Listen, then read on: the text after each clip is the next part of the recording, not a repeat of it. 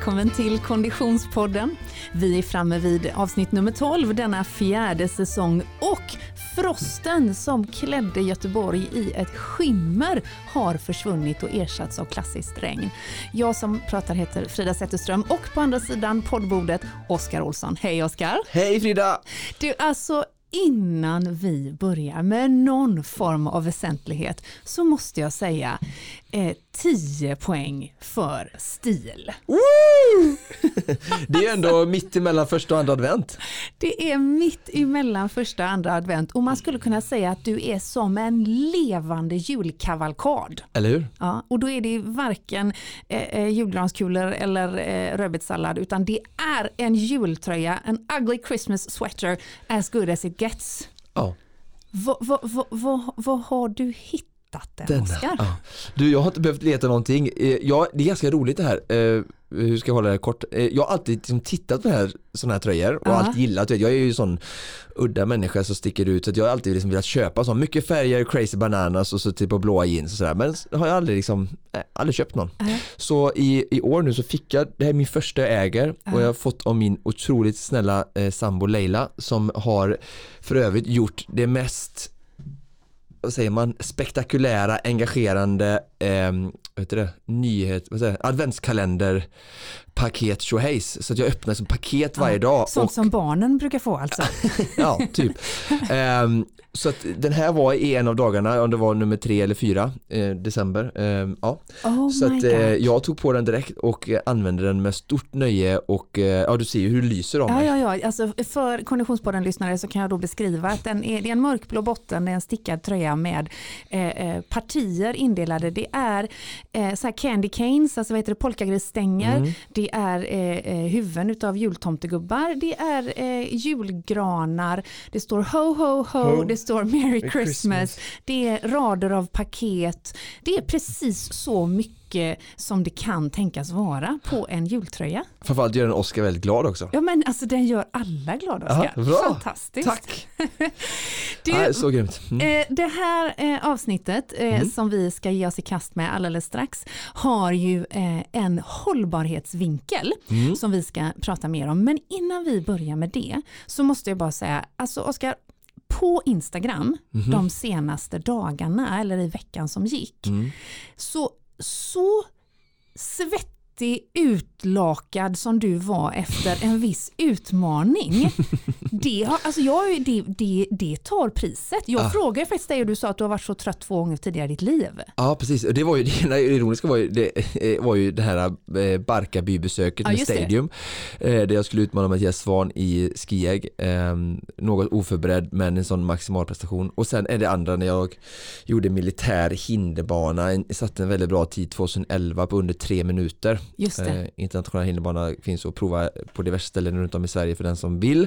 Karlberg har den i Stockholm vet jag, det var där jag gjorde mitt. Eh, men, och då också här den här eh, luftrören är förstörda, eh, utslagen i en timme eller två efteråt, eh, ingen matlust eh, och sen dagen efter, alltså, ja. En, en sån plats här- man helst inte vill gå till igen. Är det här något du rekommenderar? Nej, nej, nej, nej, nej, nej. Om vi då backar klockan till vad som föranledde denna totala eh, eh, slutkörning. Ja, Vad är det du har gjort? ja eh, det är ju det här med burpees. Ja, det är ju det här med burpees.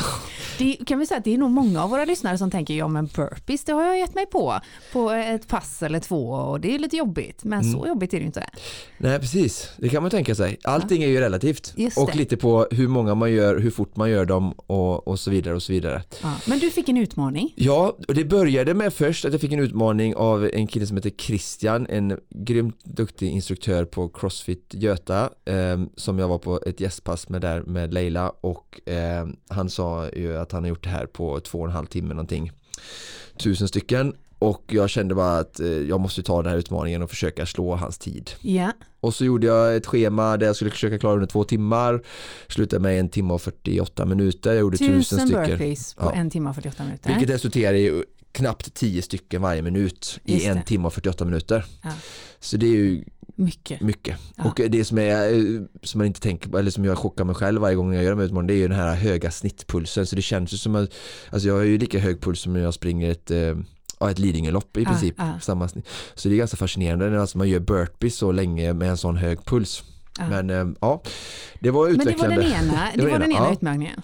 Och sen kom den värsta, då, Ja. vilket kanske det är eh, liksom bara fem minuters arbete. Eh, det är som så här, folk tänker så här, men det är väl lättare att springa fem kilometer än ett maraton, men eh, nej, det behöver inte vara Nej. så. Verkligen inte. Så, så all cred till alla som springer 800-1500 meter. Ja. Ehm, För den här andra utmaningen, mm, det var så många burpees på fem minuter som möjligt.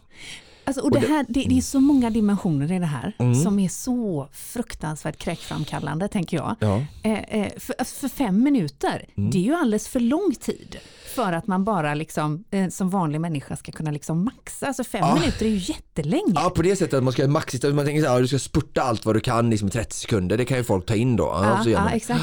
Men det här är någon slags eh, halvmax Ja. ja. tjosaflejt då i, eh, i fem minuter då. Du vet fem minuter, det var både en låt, gå och hämta kaffe och gå på toaletten på Sveriges Radio. Det är liksom, det är jättelång tid. Ja, och jag har gjort det här, jag har gjort det i två minuter förut, det är också jättejobbigt. Eh, men det här, alltså jag kom till tre minuter och så är man jättetrött och så är det två minuter kvar. Ah. Eh, ja, det, det var en speciell känsla det också. Men ja. eh, du fick utmaningen, Mm. vad var rekordet innan? För givetvis, kära Konditionspodden-lyssnare, så har ju Oskar Olsson slagit Ja. dessa rekord. Eh, ja, men jag vet inte, jag tror det var kanske 70-75 när jag började något sånt där. Ehm, så det var ju det jag skulle slå då. Jag tänkte så här, men 15 stycken, gör jag 15 stycken varje minut så tycker jag det är bra faktiskt. Det. Ehm, för det är jobbigt att göra 15 stycken på minut. Man kan ju prova att göra 15 stycken på en minut och Ja, se hur man tycker ja, det känns. För det är en var fjärde sekund då. Men jag lyckades göra 100 då eh, och det var lite knäckande jag kom till eh, 60 och så insåg jag att ah, men shit, jag, är, jag har ju fortfarande den takten som krävs för, För att hålla la det 100. 100. Så det blev så här, nej jag måste verkligen hålla, för jag hade tänkt så här, efter tre minuter så tänkte jag, om jag, om jag inte är i fas då Ja. så kan jag ju bara liksom chilla och så göra 91 Ja. och ändå vara väldigt nöjd med det. Ja.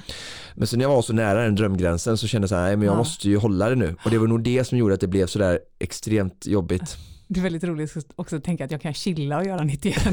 men, liksom sänka 5% men nu var tvungen att gå på 101 liksom hela vägen i kaklet och det var ju typ 4 minuter 58 sekunder och sen, Mm. ja. Så fem minuter 100 burpees. Ja. Ja, eh, kära konditionspodden-lyssnare, det är ju liksom bara att hoppa ner eh, och hoppa upp och hoppa ner och känna efter vad man, alltså du vet det är ju det är orimligt Oskar, Ja. det är orimligt. Det är en var tredje sekund så man kan prova att hålla en, göra en burpee var tredje sekund Ja. och se hur länge man orkar. Så har man ju testat liksom, vad det handlar om. Ja. Det är eh, fantastiskt verkligen och Ja. eh, väldigt eh, både inspirerande och lite skrämmande. Ja, men det, det, det, det, det, jag tycker vi kan bara stanna kvar någon sekund till och bara prata om det här med utmaningar i sig. Det här var ju Mm. från eh, My First Ironwoman Helene eh, Wikman som utmanade mig detta eh, och eh, överhuvudtaget utmaningar i livet. Eh, bara alltså hur, hur positivt det är Ja, att vi verkligen. människor växer i motstånd och det kan vara, det behöver inte bara vara träning träning överhuvudtaget utan att våga utmana oss och att det är något förlösande i det och att uppfylla och ibland kanske man inte klarar och då finns det lärdomar att ta ifrån det också. Så att eh, jag vill verkligen slå ett slag för um, um, utmaningar. Um, så det är ju december och sen kommer ju januari, nytt år. Um, ja, jag tror att utmaningar förgyller. Någonting säger mig att det kan, skulle möjligtvis kunna komma en utmaning eller två kastat åt ditt håll via sociala medier efter Ja. denna Ja, eh, Precis, jag, jag, jag tar dem gärna emot mig och jag har redan fått en nu då eh, av eh, Robin på, på Stadium eh, som vi eh, träffade för ett tag sedan här och det är ju det här 100 marklyft med 100 kilo Just det. och eh, han hade en tid på 12 minuter, jag har inte klarat det här utan- eh, utan jag, jag hade typ 13 så att jag kommer, jag kommer få jaga så det var ju ett situationstecken misslyckande då, det Just var det väl det. inte men eh, jag, jag slog inte han Nej. så att eh, nu jagar jag dig Robin. Ja, mycket bra. Ja, Mm. more to come Ja. i detta eh, område helt enkelt. Du Frida, Ja. Nu kommer producent eh, Niklas in här. Ja. Jag har tagit fram mitt papper. Jaha, Det är dags. du tänker så nu ja. Ja, ja. Hur ja. många ska vi skriva upp? Ja, nu är vi alltså framme vid eh, eh, min träningsvecka alltså. Ja, ja, ja. ja. Hur många burpees som ska Ja, göra? nej, det har inte, men alltså så det här är är det då. historia vi pratar nu. Ja, precis. Nu tittar vi i historien, nu tittar vi tillbaka. Eh, veckan som gick, den var ömsom vin, ömsom vatten vatten. Ja. Även bokstavligt talat faktiskt. Ingen champagne. Nej, nej. Eh, eh, det, det vill säga den var lite som, som mitt liv är. Första delen var fullständigt värdelös. Jag tränade inte överhuvudtaget. Pratar- Andra delen, Vad pratar vi nu bra. då? Pratar vi första tre eller Ja. första två dagarna? Nej, halva veckan, så tre eller till och med fyra dagar. Var helt bara, för, först hade jag ju träningsverk efter eh, det här mardrömspasset. Då. Vi, vi släppte ju varandra i torsdags eh, och då hade jag ju sån eh, katastrofträningsverk. Så jag tränade inte på hela helgen. Finns inga bra förklaringar. Ska vi fokusera på det som gick bra? ja. Jag, vill, jag, vill ha, jag skriver här. Vad ska jag skriva? Du sk- skriv noll, på Noll. första delen. Okej. Eh, och sen eh, så tittar vi då på de tre dagarna som var kvar utav den här veckan. Då har jag i alla fall tränat varje dag. Det är asbra. Tack Oskar. Eh, det, det är mest ut som du skriver där ute i producentbåset. Ja, men jag väntar. Vad ska jag skriva? Alltså, jaha, du tänker så ja. Du får driva det här nu också om vi har omvända roller. Ja, men du vet ju att jag sitter och väntar. Okej. Du ska tala om vad du har gjort, måndag. inte bara bortförklaringar. Måndag, stakmaskin Mm. på eh, gymmet. Eh, Då vill sån vi vara lite mer specifik. skierg 5000 meter. Mm. Nästa gång fem gånger 1000 meter. För att göra hö- högre intensitet. Med Okej. två minuters vila. Ja, Hur okej, lång tid bra. tog det? Det, tog, det tar eh, precis under t- eh, 30 minuter. Så jag har inget jättetempo, jag vet det. Jag, jag, eh, jag har ju säkert tagit bild på, på hur mycket det tog. Men säg att det tar så här 28, 29 någonting. Kommentarer på det Oskar? Eh, det är en bra början. Thank you, thank you. Ja, okej. Det var Och sen så kör jag plankan efter det. det Perfekt, det är en bra övning. Bra. Vill ni höra hur länge jag står i plankan eller? Hur länge står du på plankan? Tre minuter. Oj! Ja, alltid faktiskt. Det gör jag faktiskt varje gång. Eh, men i alla fall, eh, det var måndag. Tisdag, eh, då, hade jag inte, då hade jag inte hunnit träna överhuvudtaget ända fram till det var dags att äta middag med familjen. Men då sprang, stack jag ut och sprang. Så då sprang jag i alla fall fem kilometer. Bra. Tack. Ehm, och sen var det onsdag, alltså idag, tredje dagen. Då körde jag också 5000 meter i stakmaskinen. Och tre minuter planka. Mhm. Nästa gång kör du planka tre minuter, vila en minut, planka två minuter, vila en minut, planka en minut. Ja, ja okej. Tre, vila, två, vila, en. Vila. Ja, Bra. Okej, ja det ska nog gå. Men Vi du kan inte hålla på och köra tre minuter varje gång, då blir det inte bättre. Nej jag vet, men kan vi ja, vara nöjda ja. att jag gjorde detta? Ja, vi, vi, vi, det, är det. jag säger det. Nu i första läget är vi så nöjda med bara kontinuitet och genomförande. Men steg två blir ju progression. Just det, Ja. just det. Oskar, jag måste bara backa lite grann här då. Det här med träningsverk, är det en orsak att inte träna? Eller? Absolut inte. Nej, jag, jag sa inte att det var orsaken, jag bara eh, förklarade. Det är ju det är ett tecken på att vi har hittat en muskel som behöver tränas mer. Ja, Fast man får ju gå försiktigt fram också. ja, just det. I det här fallet handlar det om att hon gick försiktigt överhuvudtaget för att kunna gå faktiskt. Efter Norrköping. Ja, dessutom var jag och jobbade i Stockholm så att jag höll på. Men, ja. Men, eh, ehm, Okej, Bra. jag summerar Frida. Stakmaskin 5000 meter Ja. på 30 minuter. Plankan 3 minuter. Ja. Bra. Pass 2, löpning 5 kilometer. ja, Ingen planka. nej, det var, då var maten klar när jag kom hem. Ja, Så att det var det verkligen bara, ja, det är bra. Och pass 3, stakmaskin 5000 meter. ja och planka. Och planka. Oskar, har hon fått något program av dig att följa eller? Hon har fått styrketräningsövningar som hon ska göra och fokusera på. Det är ju det viktigaste. Ja, Eh, så ta sig till gymmet har jag sagt eh, gärna två gånger i veckan under den här perioden. Och sen om hon vill ha mer tydligare program så behöver jag ju veta när och hur hon kan träna. Annars kan jag ju bara skriva i mörker. ja. Det är ju lite så att jag lever mitt liv i mörker. Nej, Ja. vi, det finns in, det, det, vi ska lösa detta. Ja. Och framförallt så tänker jag att de här eh, styrkeövningarna som jag fått, eh, de ska vi kanske till och med eh, utveckla lite så att vi kan dela med oss av dem, tänker jag. Jag är påbörjat Ja. lite på sociala medier. Och jag har hört rykten att du ska gå på snö nu. Just det! Ja, jag var ju på eh. Skidome igår och, och eh, kollade läget. Så det ska vi väl eh, ta med Konditionspodden-lyssnarna till eh, vid tillfälle. Både mick och kamera tänker jag. Eh, Kanske till och med ett par stavar och ett par skidor. Vem vet hur roligt vi ska ha det. Ja, men du, du, jag tackar för rapporten och eh, kommer då skriva ner detta i boken här som eh, Gud vad bra. Som assisterande tränare. Ja, precis. Tack för det.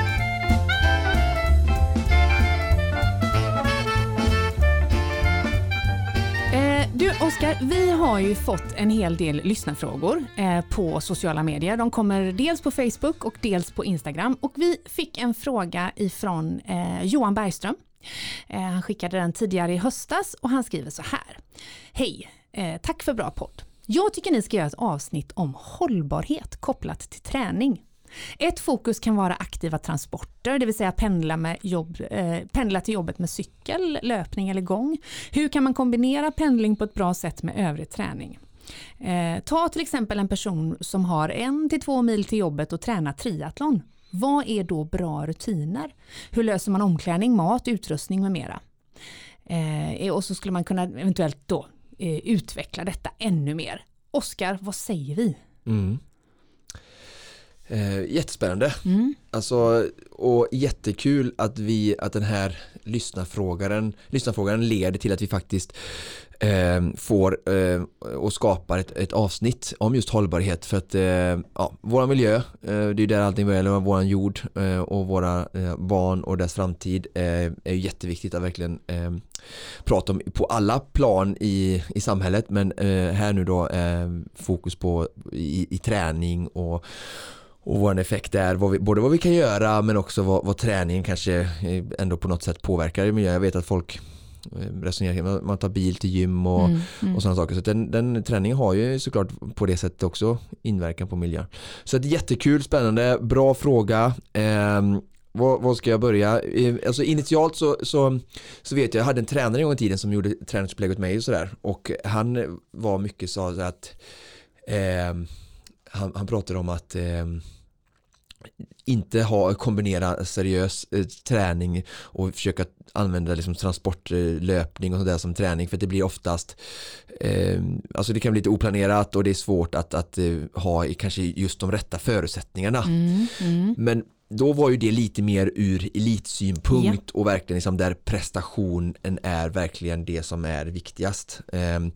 Och när det kommer till gemene man och kanske merparten av våra lyssnare och sådär så tror jag verkligen att det är ett bra och nödvändigt sätt för att få till träningen. Mm.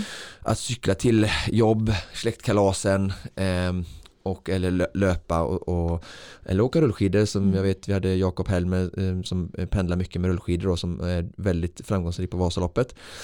Ehm, så att där, det tror jag absolut, Så det är Mm. min utgångspunkt att använda detta, detta gärna. Eh, Ja. För jag tänker att man, man, man, det, frågan har ju två infallsvinklar och det som din tränare refererade till var ju kanske då att man inte ska ersätta annan träning med pendlingsträning. Alltså att det Ja. inte är effekt på, på det sättet. Men jag menar om man, om man ersätter pendlandet, alltså bilåkandet med träning och egentligen mer ser det som bonus så är Mm. det ju naturligtvis positivt. Absolut. Det, det, det han menade var väl alltså att om du har, har ett program som verkligen Mm. är där alla pass har ett visst syfte Ja. för att effektivisera och maximera din prestation Mm. så kan det vara så liksom att tre minusgrader som vi har här eller en, en sträcka inte är liksom de rätta förutsättningarna för just det passet. Eh, Att du, du får inte till, det blir inte det syfte som blir.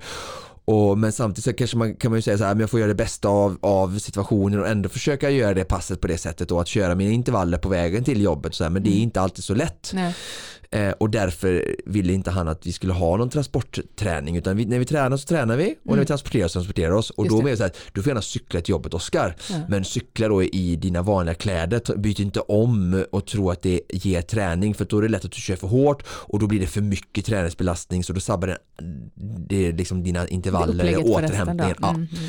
Så det var ju det som var Okej. aspekten. Men Mm. om vi tänker då en vanlig människa så är det så här, ja, men jag kanske bara har mina transporter till och från jobbet Mm. och eh, familje, släktmiddagar eller sånt där som ett alternativ. Jag, jag har valt att leva ett liv där annan träningstid inte finns Mm, mm. eh, plats för. För jag har valt att göra andra saker i mitt liv. Mm, För kom ihåg det att alla människor har tid Mm. men allting är ju prioriteringar. Mm. Så till de som, som väljer att prioritera annat och bara har det kvar så, tyck, så är det ett jättebra sätt både för miljön, självklart men även för att få till effektiv träning. Men jag menar man kan ju vara en person som inte använder bilen utan tar sig till jobbet på ett miljövänligt sätt på olika sätt Mm. och sen som tränar alltså på, på gym eller hemma eller ja, Mm. under liksom, träningstimmen då.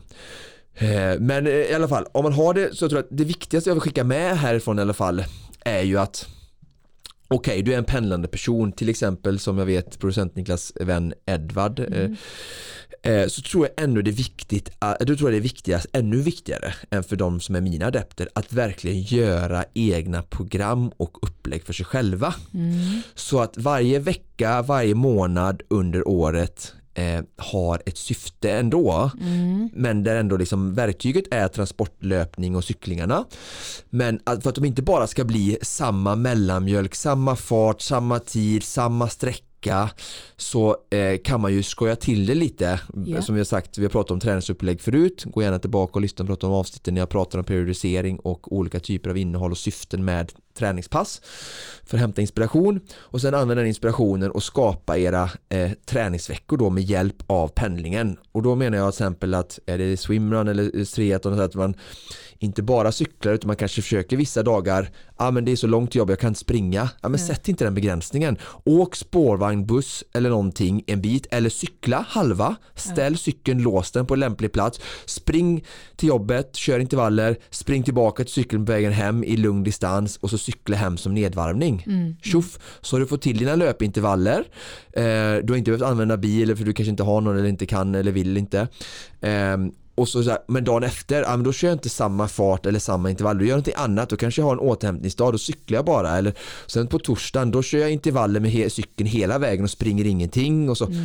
Eh, nästa gång kanske jag förlänger löprundan hem för jag har bara 5 km till jobbet Oskar, så hur gör jag då för mina långpass? Ja men se till att planera i förväg en sträcka på helgen, cykla en bit eller spring sträckan på helgen när du har mer tid för att se hur lång tid tar det, eh, vad är en lämplig eh, vad är lämplig rutt hem för att få den distansen, eh, tiden jag vill ha för ett, ett långpass eller ett längre pass eller ett annat pass då som är syftet i min träningsplan. Så, så det, det är det jag vill skicka med att jättebra, bra för miljön, bra för din eh, liksom effektiva tid ifall du känner att du har andra saker du vill prioritera och inte åka eh, efter jobbet till ett gym och lägga ytterligare tid då. Eh, Men alltså gör dina egna program och ha en tanke med veckan. Bara inte bara, bara inte bara pendla Och också inte då eh, se begränsningen i, i att man bara... med sina distanser. Nej. För alla har ju olika distanser till Mm, jobbet. mm, Men alla kan ju mixa upp det och det är ju samma sak med de som jag pratar som börjar på noll med eh, som åker spårvagn här liksom att få, in 10 000 steg varje dag att, att eh, gå av Mm. stationen tidigare och sådär att hitta den de grejerna i, i, i, I vardagen vardagen, livet. Eh, Johan frågar ju här också då vad är bra med, med omklädning, mat, utrustning och så vidare. Det är naturligtvis väldigt individuellt Mm. vad man jobbar med och vad man har för förutsättningar. Eh, men det är klart att... En, Vad är bra med omklädning? Nej, eller inte, Hur ska vi tolka det? Inte, inte vad är bra utan eh, hur löser man omklädning, mat, eh, utrustning med mera. Och det är klart att det blir väldigt individuellt baserat på vad man har för förutsättningar. För det, alltså en sån sak som att bära med sig saker Mm. blir ju lite begränsat. Ja, det är, och det, är, det är dåligt för löptekniken att hålla på och springa för mycket med ryggsäck. Mm. Så det är så, dåligt. Så har man en dator så kan, finns det väldigt bra dataväsks löpryggsäck som är väldigt minimerande eller minimalistiska.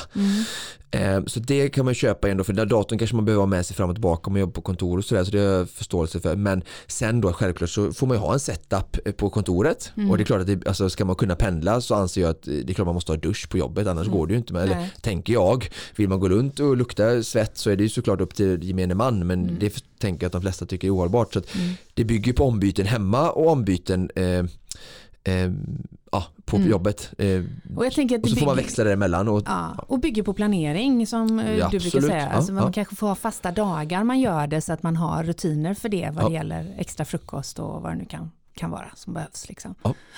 Ja. Okej, bra svar. Hoppas att eh, du Johan kände att du eh, fick eh, lite nya tankegångar i den här frågan. och, och så bara säga det ja. att jag är jätteglad, alltså ju mer cyklar jag ser när jag är ute på väg till och från eh, Alltså jobb och så här, så det är ju Ja. fantastiskt. Det är ju så kul att eh, fler människor tar sig från jobbet. Så att, eh, ja, bara säga det. Det finns alltså, eh, avsnitt om hållbarhet, det är ju ungefär som att säga att vi ska göra ett avsnitt om västvärlden. För att det är naturligtvis en, en gigantisk fråga eh, Ja. i alla branscher, så även i, i den här världen. Eh, hur skulle du säga Oskar, att man, hur mycket hållbarhet pratar man i träningsbranschen just nu? Eh, Jag tänker exempelvis på en sån sak som träningsresor som har varit superhett länge. Eh, hur- Reflekterar man över det icke helt eh, hållbara i att eh, flyga ner massa folk till Mallorca för att träna? Mm. Det här tycker jag ja, det här blir ju en, här är en sida. väldigt engagerad fråga för mig. Mm. Eh, för att jag tycker det där är ju då, det, finns, det är klart att jag, jag hör, det finns mycket sånt ja. Ja. Och, och jag hör sånt. Och jag tycker det är BS, man får inte svära i radio eller på att säga eller så. Mm. Men för att det är, alltså, vad ska vi säga så här? Folk har eh, i stort sett, folk har ungefär samma disponibla inkomst, samma pengar, samma ekonomi över. Ja. Sen är det frågan om vad vi gör med våra pengar. Ja. Eh, och jag menar bara att folk, innan det fanns träningsresor så åkte ju samma personer på andra resor. Alltså, jag tror så här att i grund och botten så älskar vi människor att resa. Så vi kommer alltid att resa på ett eller annat sätt. Och jag tycker vi ska flyga och resa och göra saker som gör att vi mår bra. För då kan vi må bättre i vardagen. Och det är i vardagen, i vårt vardagliga, eh, liksom där jag och Leila är hemma källsorterar varje dag eller att vi åker till jobbet varje dag och försöker ta, eh, vi har bara en bil i vår familj eller vi har det så här och så här och vi försöker hela tiden göra vad vi kan för att vara så miljömedvetna och ta vårt ansvar för våra personliga utsläpp i vardagen. Om vi åker iväg och gör saker, det är samma sak som folk säger så här att jag kan väl skita i en iPhone eller jag kan skita i saker som underlättar mitt arbete och skänka mina sista tusenlappar till någon barn i Afrika. Fast om jag fokuserar på att må så bra jag kan här och bygga mitt företag och bygga mina saker så kanske det möjliggör att jag kan vara med och bidra både i skatteintäkter till ett land som är väldigt bra på att skänka och ge bistånd till utsatta länder. Förstår du vad jag menar? Så att jag tror inte på att vi ska ge upp oss själva helt och hållet och, och leva som en eremit höll jag på att säga eh, bara för miljöns skull. Jag tror att det blir inte hållbart på ett långsiktigt sätt. Utan på ett, lång, på, på ett långsiktigt sätt så tror jag att ha roligt, ta hand om din hälsa, gör fler träningsresor till bekostnad kanske då av att ja men det kostar ju pengar, då har folk mindre pengar att resa och ner och supa och bli ohälsosamma och tjocka och feta. Nej, nej men förlåt, men, men du förstår vad jag menar. Alltså, jag tror att mitt svar är, om det är bara min åsikt, Ja. jag tror att träningsresorna är en- en, en, skiftning av andra typer av resor. För jag kan ju se av vuxna kunder jag har som hade andra typer av resor förr. Men nu så här, ska vi åka till Thailand eller ska vi åka ner och cykla i två det. Veckor? Då väljer man det istället för man har inte råd att göra båda. Nej. Och då kommer de hem med massa boost och en hälsa Mm. som gör att vi har mindre sjukskrivningar och mindre friska människor i samhället som kan ta ansvar för våra miljö. För det Mm. är i det vardagliga jobbet Ja, alltså jag tror att det här är, det ju, det här är ju en brinnande fråga. Ja, onekligen. och jag tror att vi har säkert många lyssnare där ute som, som eh, eh, både håller med och reflekterar. och inte håller med och det är helt okej. Ja, för det är klart att man kan ju också ur ett miljömässigt perspektiv tänka att du får källsortera ihjäl dig för att du ska kunna hämta hem den, de utsläppen som en flygresa ger. Nu sa inte jag Men- bara källsortera för nu får du inte skjuta hål på Nej. det för jag menar ju att det finns tusen andra saker eh, som Just du kan. Det kanske är att du träningsresan har bytt att du har sålt din bil och bara elcyklar. Det Ja. finns massor som cyklar el hemma och då går det ganska fort om du, om du ska räkna på en resa och vad det kostar att köra bil ett helt år Ja. kontra att köra elcykel för att du har varit på träningsresa. Mm. Så du kan Just inte det. bara ta källsortering utan det finns Nej. ju kanske tio saker i vardagen där du jobbar miljömässigt. Just det.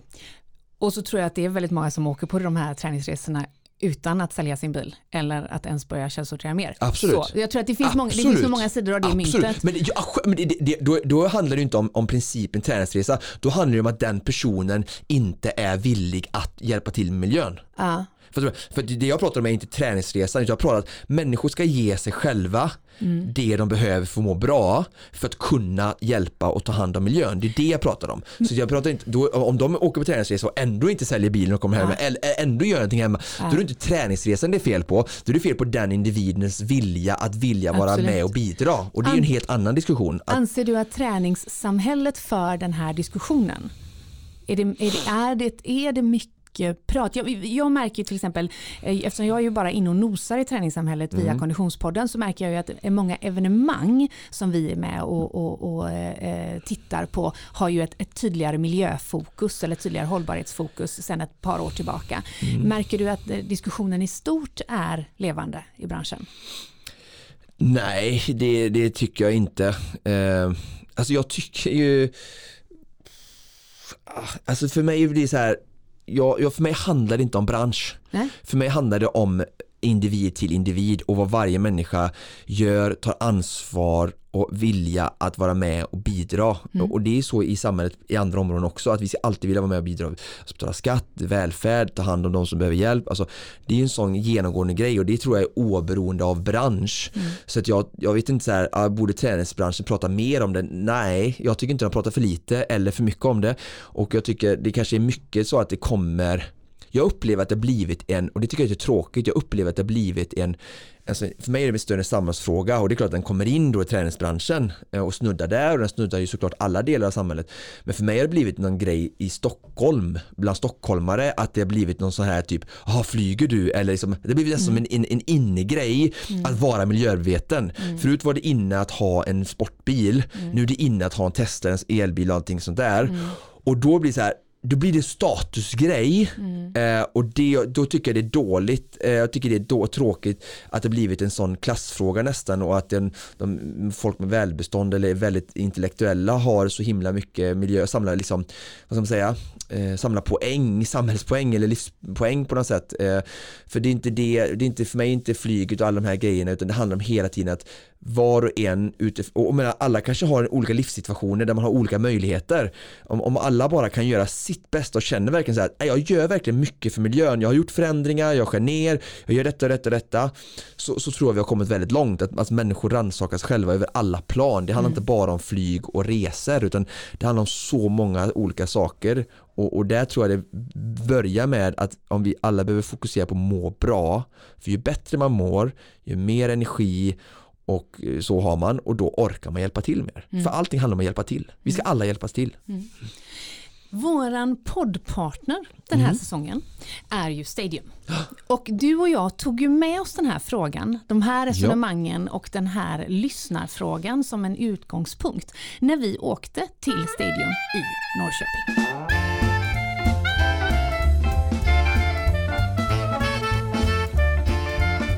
Om man följer de blå löparbanorna strax till vänster om huvudentrén här i Norrköping på Stadiums huvudkontor, då hamnar man i en väldigt bekväm soffgrupp där vi har fått slå oss ner med Katrin Marshall. Hej Katrin! Hej!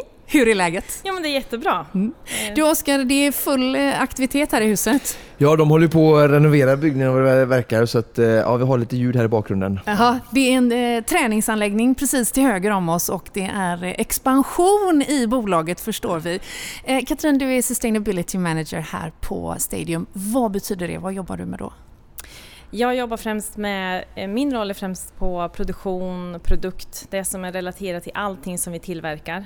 Mm. Eh, och jag, jag, jobbar mest med inköpare och designers och produktutvecklare i min roll. Eh, men på Stadium så har ju också hållbarhetsarbetet eh, ökat eh, och det kommer väldigt mycket uppifrån. Mm. vi har ett hållbarhetsråd internt på Stadium som jag har förmånen att få sitta med i. Och där sitter vi med en funktion från varje avdelning kan man säga. Mm. Där vi går igenom olika delar tillsammans. Så det är väldigt mycket teamarbete. Men när det gäller till att, att, titta på vad som händer i produktion, produkt, produktutveckling och de bitarna så är jag ansvarig för det och mm. jobbar tätt ihop med det teamet. Det kommer uppifrån säger du, det måste mm. ju vara väldigt tacksamt eh, i rollen som eh, Sustainability Manager eftersom det är onekligen en fråga som ligger oerhört rätt i tiden. Ja, Ja, man, kan, man kan säga att, att Stadium har ju haft eh, ett arbete sedan lång tid tillbaka att aktivera människor. Eh, och det har på något vis varit ganska lätt för oss att, att eh, spinna vidare på. Och det, eh, även om det har tagit en lång tid internt, alltså för kanske kunden att se att Stadium eh, växlar upp i det här. Vi har varit väldigt försiktiga med att kommunicera hållbarhet. Mm. Så har ju det pågått ganska mycket internt. Men det har också varit att höja kunskapsnivån på alla plan och det handlar inte om att någon inte förstår eller vet men utan mer att vi har samma mål och samma inriktning och att det har varit olika prioriteringar genom åren. Mm. Eh, och nu när man ser trenden och hur det ser ut generellt och vad textilbranschen faktiskt ja, på, hur det påverkar miljön så, och framförallt den svenska konsumenten så, så måste ju vi växla upp. Och det mm. har vi ju gjort nu och vi har sedan två år tillbaka tagit lite extra kliv inom det här. Så vi har på något vis gjort det mer tydligt vad aktivera värden är. Mm. Eh, och sen har vi också tittat på hur vi kan då titta på ja, vår miljöpåverkan.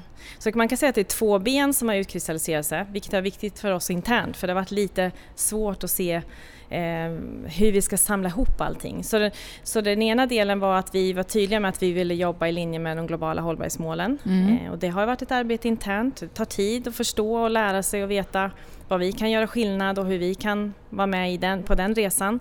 Eh, men också att vi internt har tittat på två spår, att vi vi vill öka våra avtryck med att vi aktiverar världen, aktiverar människor eh, och vi vill minska våra avtryck med det vi kallar för support earth och det är att vi är tydliga med att vi minskar våra utsläppsavtryck. Då. Mm, mm.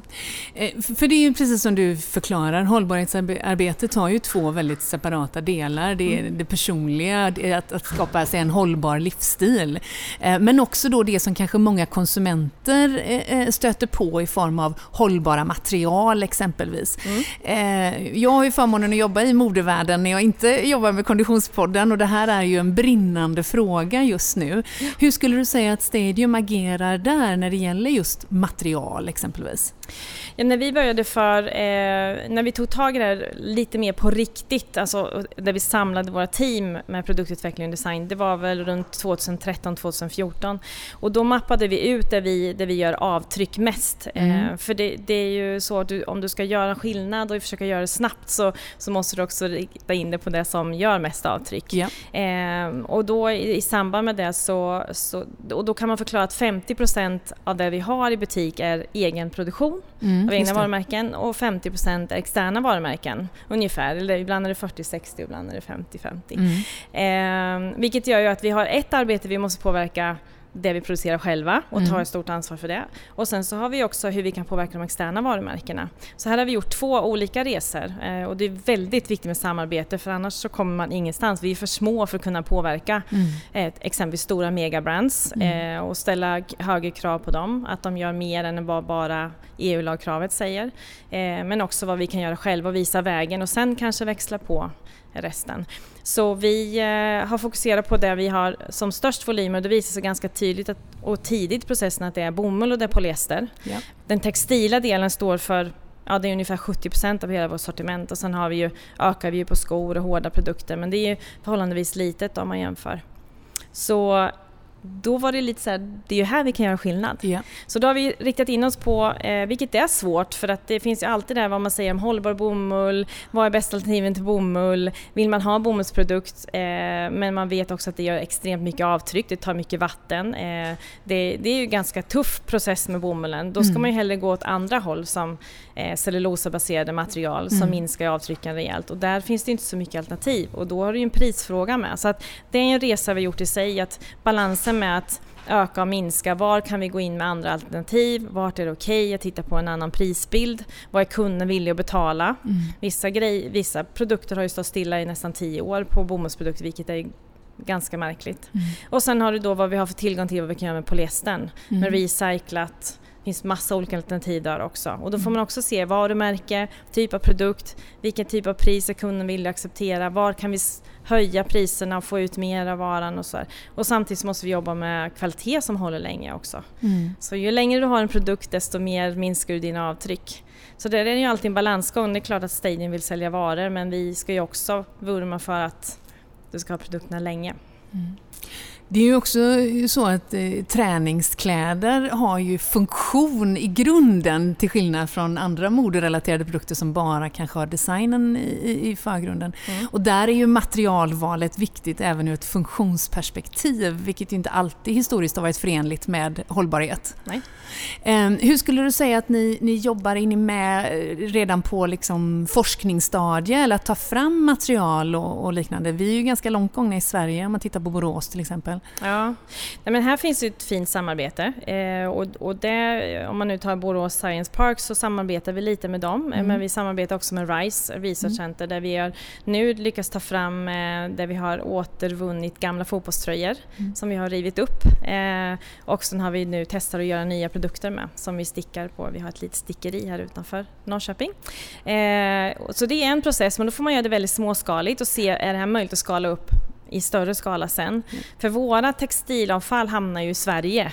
Vi har ju inte eh, produktion över hela världen. Våra produkter landar ju inte ute i USA eller Kina eller någon annanstans utan vi måste ju se vad vi kan göra här hemma. Mm. Men det vi började med kan man säga att funktion är väldigt viktigt för oss det är ju att eh, fasa ut farliga kemikalier för det har ju varit en jättestor del av, av sport och träning att man adderar till en funktion eller Mm. att det är eh, svett eh, Alltså som impregnering? Ja, eller impregnering och det kan även vara att det är quick drying, det kan vara Mm. antilukt och sådana. De har vi fasat ut sedan en lång tid tillbaka. Och där tar vi en, ett stort kliv nu framåt med att utmana våra externa varumärken. Ja. Och det är ju en jättespännande resa vi gör nu för att vi, vi är ändå en plattform som, som är spännande för många varumärken eller det finns också ett fint samarbete och då, då måste vi se vad, vi, vad är realistiskt och hur kan vi fasa ut det här för går man bara på EU-lagkravet så är det fortfarande okej att använda en hel del kemikalier.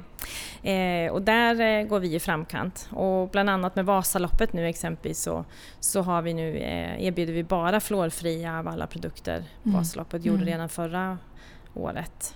Så det finns ett jobb att göra men sen har du funktionsmaterial, du måste också se att du har produkter och väljer material som håller väldigt länge och då kan man ju då välja recyclade material och, och Absolut, det finns olika alternativ. Just nu kanske det tar mer energi av att du gör recyclar från gamla plättflaskor.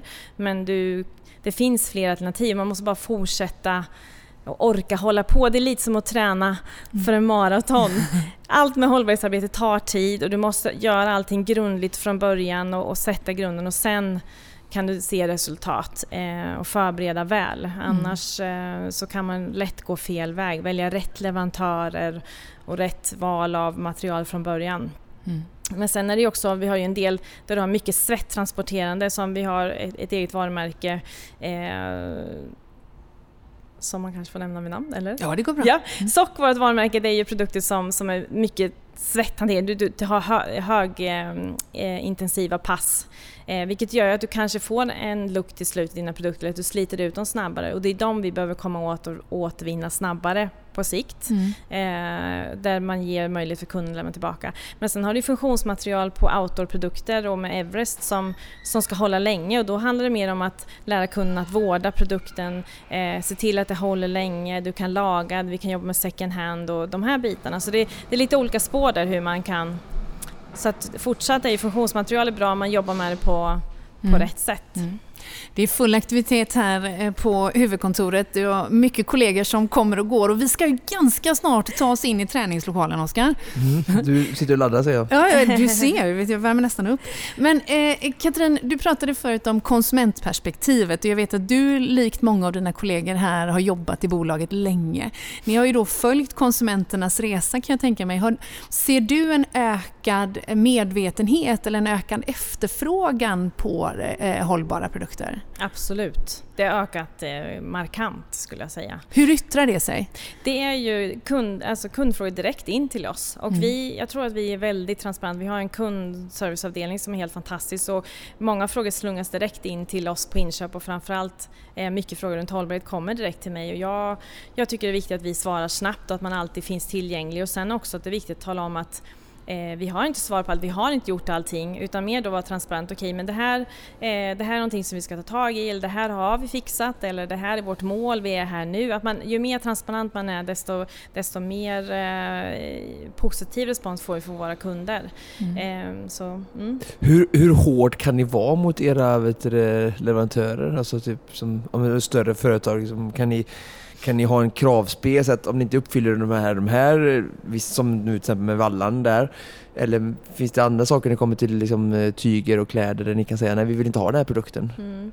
Ja, när det gäller vår egen produktion, då har vi ju dialogen direkt med fabrikerna och Ja. där kan vi vara väldigt hårda för där har vi en, en, en restricted substance list, alltså en väldigt tydlig lista där vi har väldigt mycket som vi, som vi har eh, bannlyst, ett antal kemikalier. Och uppfyller de inte kraven då tar vi inte emot leveransen och det ska inte gå så långt. Eh, men sen när det gäller externa varumärken, där har ju vi valt bort i vår resa framåt, exempelvis antiluktbehandlingar. Där har ju vi tittat på, det finns ju en djungel av sådana och det är ju många som kanske inte har gjort rätt. Då får ju vi ta ett aktivt val, våga med risk för att vi tappar Alltså, ja, business. Eh, att vi väljer bort och kanske väljer från ett annat varumärke. ja. Så, att, så det är lite den här resan vi gör nu. Vi har varit lite obekväma nu för när vi gjorde förra året så var det vissa delar vi fick välja bort. Vi fick ta bort eh, alla produkter från, eh, från eh, våra butiker exempelvis för att uppnå det här resultatet. Så Mm. Det är väldigt mycket att, att våga Mm. eh, för att liksom vinna på sikt då. Ja, Sen så handlar det om också att ha en dialog och, och ett samarbete. Säg att vi jobbar med ett större megabrand som vill förändra men de har också ett globalt varumärke som massa marknader tar hänsyn till. Då får vi titta på att så länge de håller lagkraven, de har ett mål att förändra inom mm. några, då får vi kanske ha en viss kompromiss. Om det gäller att kompromissa med rätt saker. Men som sagt, i egen produktion har ju vi höga krav och då kan ju vi, uppnår de inte dem så kan ju vi välja att, att inte ta emot varan förstås. Ja. Eh, men, men Händer det, det? Ja det har hänt ja. genom åren. Nu mm. har vi gjort tester i så många år så det, när det gäller kemikalier så är det väldigt sällsynt. Då kan det mer snarare vara en, en kvalitet eller någonting som har hänt i transport eh, där vi måste göra en, en reklamation jag, jag är ganska okunnig med hållbarhet, men jag tänker, vi pratar mycket nu om kemikalier och sådär. Mm. Eh, men hur ser det ut när man tänker alltså fabrikers avtryck, alltså produktionen eller, eller om det skickas från vissa länder på ett visst sätt. Alltså mm. vilka, sådana saker, för det är mm. också avtryck som hör ja. till om en produkt som ni väljer. Eh, ja. Det är en jättebra fråga. Mm. Eh, det som är lite häftigt nu som jag tycker ändå är värt att nämna här nu, finns li, liten tid här, mm. det är ju eh, ett initiativ som började i slutet av förra året och man kan säga att det intensifierades i början av det här året som heter eh, STIKA förkortat, alltså Sweden Textile Initiative for Climate Action. Och nu tror jag vi nästan 40 svenska företag med i det. Ja. Och vi har kommit oss till att vi ska minska våra avtryck med 30 procent eh, i samband med STIKA. Men sen säger Stadium, alla har ju sina egna mål, men i samband med det här initiativet eh, med 30 procent till 2030 och jag tror att det kommer bli 50 procent. Mm. Eh, till 2030? Ja, mm. men då handlar det ju om att vi tillsammans då lära oss hur vi ska kartlägga våra utsläpp, för det här är jättesvårt och det är en väldigt intressant fråga. För att göra, en del företag som är med i det, de har gjort det här sedan en tid tillbaka, där man kartlägger och vet exakt hur det kallas för basår, mm. vad man har för avtryck i produktion. Och det här är ju väldigt mycket system, eh, man måste ha vissa bra system för, det, för att kunna mm. mäta. Och just nu så är vi jättemånga företag som inte har de systemen och inte har lyckats kartlägga sitt basår. Det är vårt jobb under nästa år nu, att kartlägga vårt basår, vad gör vi för avtryck? För då utgår man från det man måste ju ha någon bas för att kunna se sen hur vi ska kunna minska. Och det vi gör nu är att vi kartlägger med våra fabriker eh, Eh, Eh, hur många som har förnybar el, eh, hur mycket kan vi påverka det eh, och sen också vad vi har för avtryck med vår produktion. Och det är ett ganska tufft jobb. Mm. Det som är häftigt med Stika det är att vi får tillsammans alltså verktyg så vi kan mäta på samma sätt. Så att om du ska göra en, säg att du har ett jacksortiment så får man nästan göra så schablonuträkningar mm. mm. och då kommer vi ha samma allihopa.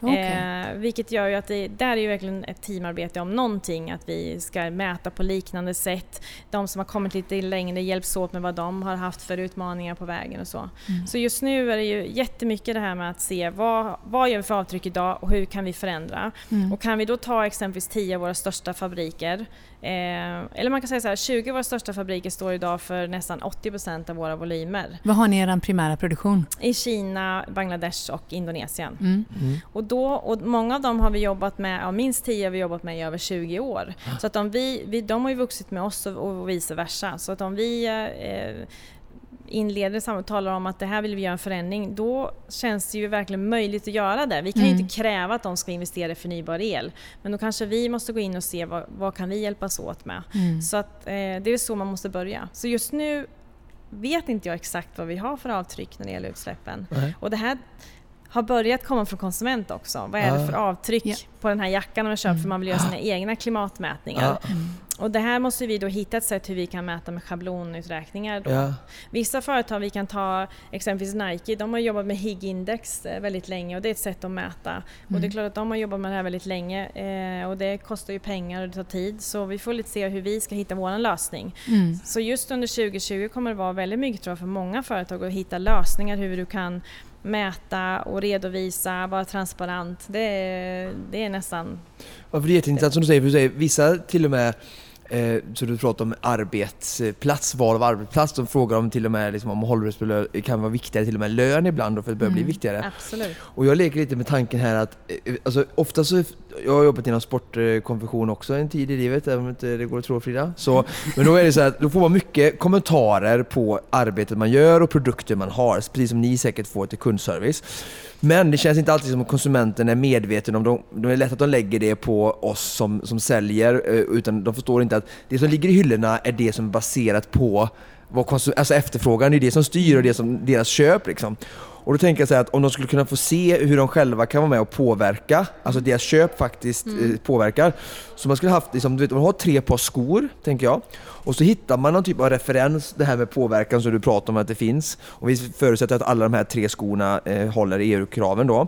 Men så kan man ha se en lista liksom, i webbshoppen och se att det står liksom, den här gör 20% påtryck, den här gör 40 och den här gör 60. Och då kanske det är så att den som gör minst klimatpåverkan kostar lite mer. Ja. Men då kan de ju göra ett aktivt val. att, "Ah, men, Okej, jag kanske inte ska ta den där megabrand som jag hade drömt om nu i två veckor. Eh, Den var, jag tar den här lite dyrare skon, den funkar också. eh, För jag gör det liksom en bidrar till miljön på något sätt. Liksom. Exakt. Nej, men jag Då tror får man konsumenter... Ja, men det kommer gå åt det hållet. Ja. Jag tror att det är vissa som kommer vara i framkant. Det finns eh, specialister i branschen och, och vissa eh, återförsäljare som kommer att kanske ligga lite mer i framkant och vissa brands. Så det viktiga för oss är ju att vi har en plattform som det finns möjlighet att kunna kunna eh, hitta Mm. lösningar. Att vi med vissa varumärken kanske vill då visa det i butiken, då måste vi hitta lösningar på det. Eh, och sen vet man ju också att konsumenter, det tar ju bara några sekunder när man gör sina val. Och det är väldigt mycket budskap i butik, så det är lite så här, vad är det vi ska prioritera? Vad är det vi prioriterar på hemsidan? Vi har ju pratat mycket om det internt, hur, hur vi ska kunna göra lättare val, hur man ska söka på hållbara produkter och hur man ska... Så det här kommer ju vara... Det är lite så här, det går väldigt fort, det har gått jättelångsamt och nu går det jättefort. Och nu är det en frustration tror jag hos många företag att man inte har kanske systemlösningarna för det. Så att under tiden då man gör det så måste man ju då kanske kunna kommunicera med det man kan. Så har vi ett varumärke som verkligen har listat ut det eller har lösningar på det så måste vi öppna upp för att de ska kunna synas i butik. Eh, så att allt ifrån till att vi eh, här mot slutet av året kommer att hitta ett spännande samarbete med eh, second hand på nätet, eh, vilket kommer att göra massor för oss. Till att vi kommer att titta på hur vi kan ha delnings... Eh, alltså den här lite delningsekonomi, att, man, att man har uthyrning och, och lite andra sådana bitar i våra butiker. Det är också där, hitta lösningar. Vart börjar vi? Vilka städer börjar vi med? Vilken typ av butiker? Vilken typ av produkter? Men det är It's in the making alltså? Ja, absolut. Ah, spännande Så att det blir höra. jättespännande och då är lite också hur vi kommer mäta för det kommer också finnas eh, ett krav eh, framåt där vi, eh, ett producentansvar, ett förlängt producentansvar. Då Mm. måste vi veta också vad som händer med våra produkter. Så det, är- det är mycket så med nya lagkrav som kanske kommer, kraven från kund och vi hade inte varit så här långt om inte vi hade haft kraven från kund. Det är jag helt övertygad om för Mm. de har ju satt press på oss att, att eh, öka takten och vill hitta nya alternativ. Framförallt i början mycket oroliga barnföräldrar Mm. Eh, och sen har det mycket unga människor som, vill, som är väldigt medvetna och vill hitta, Mm. Mm. göra, alltså handla, kon, eh, vad ska man säga, konsumera hållbart. Mm. Det är Mm. väl det som är, men det är också så här, vad är bästa lösningen idag? Mm. Så det finns, därför har det kommit väldigt mycket rapporter nu det hur du kan, hur du kan bidra själv. Mm. Alltså exempelvis då att du eh, cyklar eller går till butiken eh, Mm. när du handlar eller att när du väl åker och handlar att du gör så mycket ärenden som möjligt för där har du också en utsläppsdel. Så Mm. att eh, man, man ska vara medveten om att när man konsumerar så finns det ju andra saker, det är inte det är inte bara produktion. Mm. Men, men eh, den senaste rapporten visar ju att svensk konsumtion eh, är ju väldigt stor av textila produkter Mm. och det står för stora avtryck. Och 80 procent eh, av utsläppen sker i produktion. Just det. Ja. Det, är, en- det är fortfarande en ganska hög det är siffra. jättehög. Så Ja. då ska man göra skillnad Mm. så är det ju framförallt då att man hittar nya metoder för eh, färg- infärgningsmetoder, du sparar vatten och kemikalier. Mm. Och att du hittar hållbara material. Då kan du rad, alltså radikalt förändra dina utsläpp. Mm. Så, så det, ju, det, det finns eh, massa rapporter runt det. Mm. Vi sitter ju här på Stadiums huvudkontor och det är, börjar närma sig lunchtid så det är många av dina kollegor, Katrin, som är i, i, eh, i annalkande här. Eh, Jag tänkte bara vi, avslutningsvis, ni är ju involverade i väldigt många stora evenemang. Eh, eh, exempelvis det där skidåkningsloppet som det ryktas om att eh, Konditionspodden också ska vara del av eh, Ja, om ett kul. litet tag. Ja, visst Mm. är det roligt. eh, men om vi nu tar då Vasaloppet som exempel så är ju det ett, ett evenemang som likt många andra tar väldigt aktiva kliv i hållbarhetsdiskussionen. Yes. Eh, det ställer ju väldigt höga krav på er som sponsor. Hur, Mm. hur förhåller ni er till det? Nej, men vi har jobbat med Vasaloppet väldigt, väldigt länge. Mm. Eh, och vi Ehm, många som lunchen rullar in här. Eh, nej men vi har jobbat med dem länge och det är ett väldigt tajt samarbete och jag tror att det som har varit nyckeln för Stadium i allt det vi gör, att vi har samarbeten vi jobbar med länge, vi har en tajt relation, det är en väldigt transparent relation, det är likadant allt från fabrik till varumärken till, till initiativ.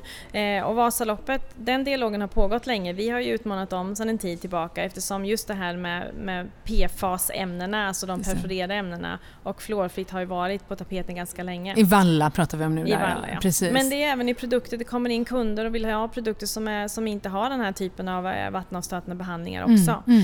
Så eh, redan förra året så valde vi att plocka bort, eller visa, ställa fram de fluorfria alternativen Ja. och, och nu till 2020 då, eh, alltså nästkommande, Mm. är det ju fluorfritt. Plus att det har ryktats om att det kommer att ske på lite högre nivå också Ja. ifrån skidförbundet. Men, eh, Ja. Så det är en jättestor grej och jag tycker det är fantastiskt att vara med på den resan, att vi har varit med och kunnat hjälpa. Så vi, vi måste ju, finns det krav från Vasaloppet så ska ju vi absolut eh, anpassa oss efter det, men det är ju lika mycket åt andra hållet också. Absolut. Mm. Så, Mm. mm. Vi och naturen tackar er helt enkelt. Eh, Katrin, det var otroligt spännande att få ta del av eh, din kunskap och eh, det känns som att ska vi kommer följa med på den här resan. Verkligen, det är jättespännande. Det kommer, vi har bara sett början tror jag. Mm, definitivt. Men nu ska vi gå och träna. Just det, du ska träna, jag ska titta på. Ja, visst, det är Tack att jag precis som vanligt. Tack så mycket Katrin. Ja, tack.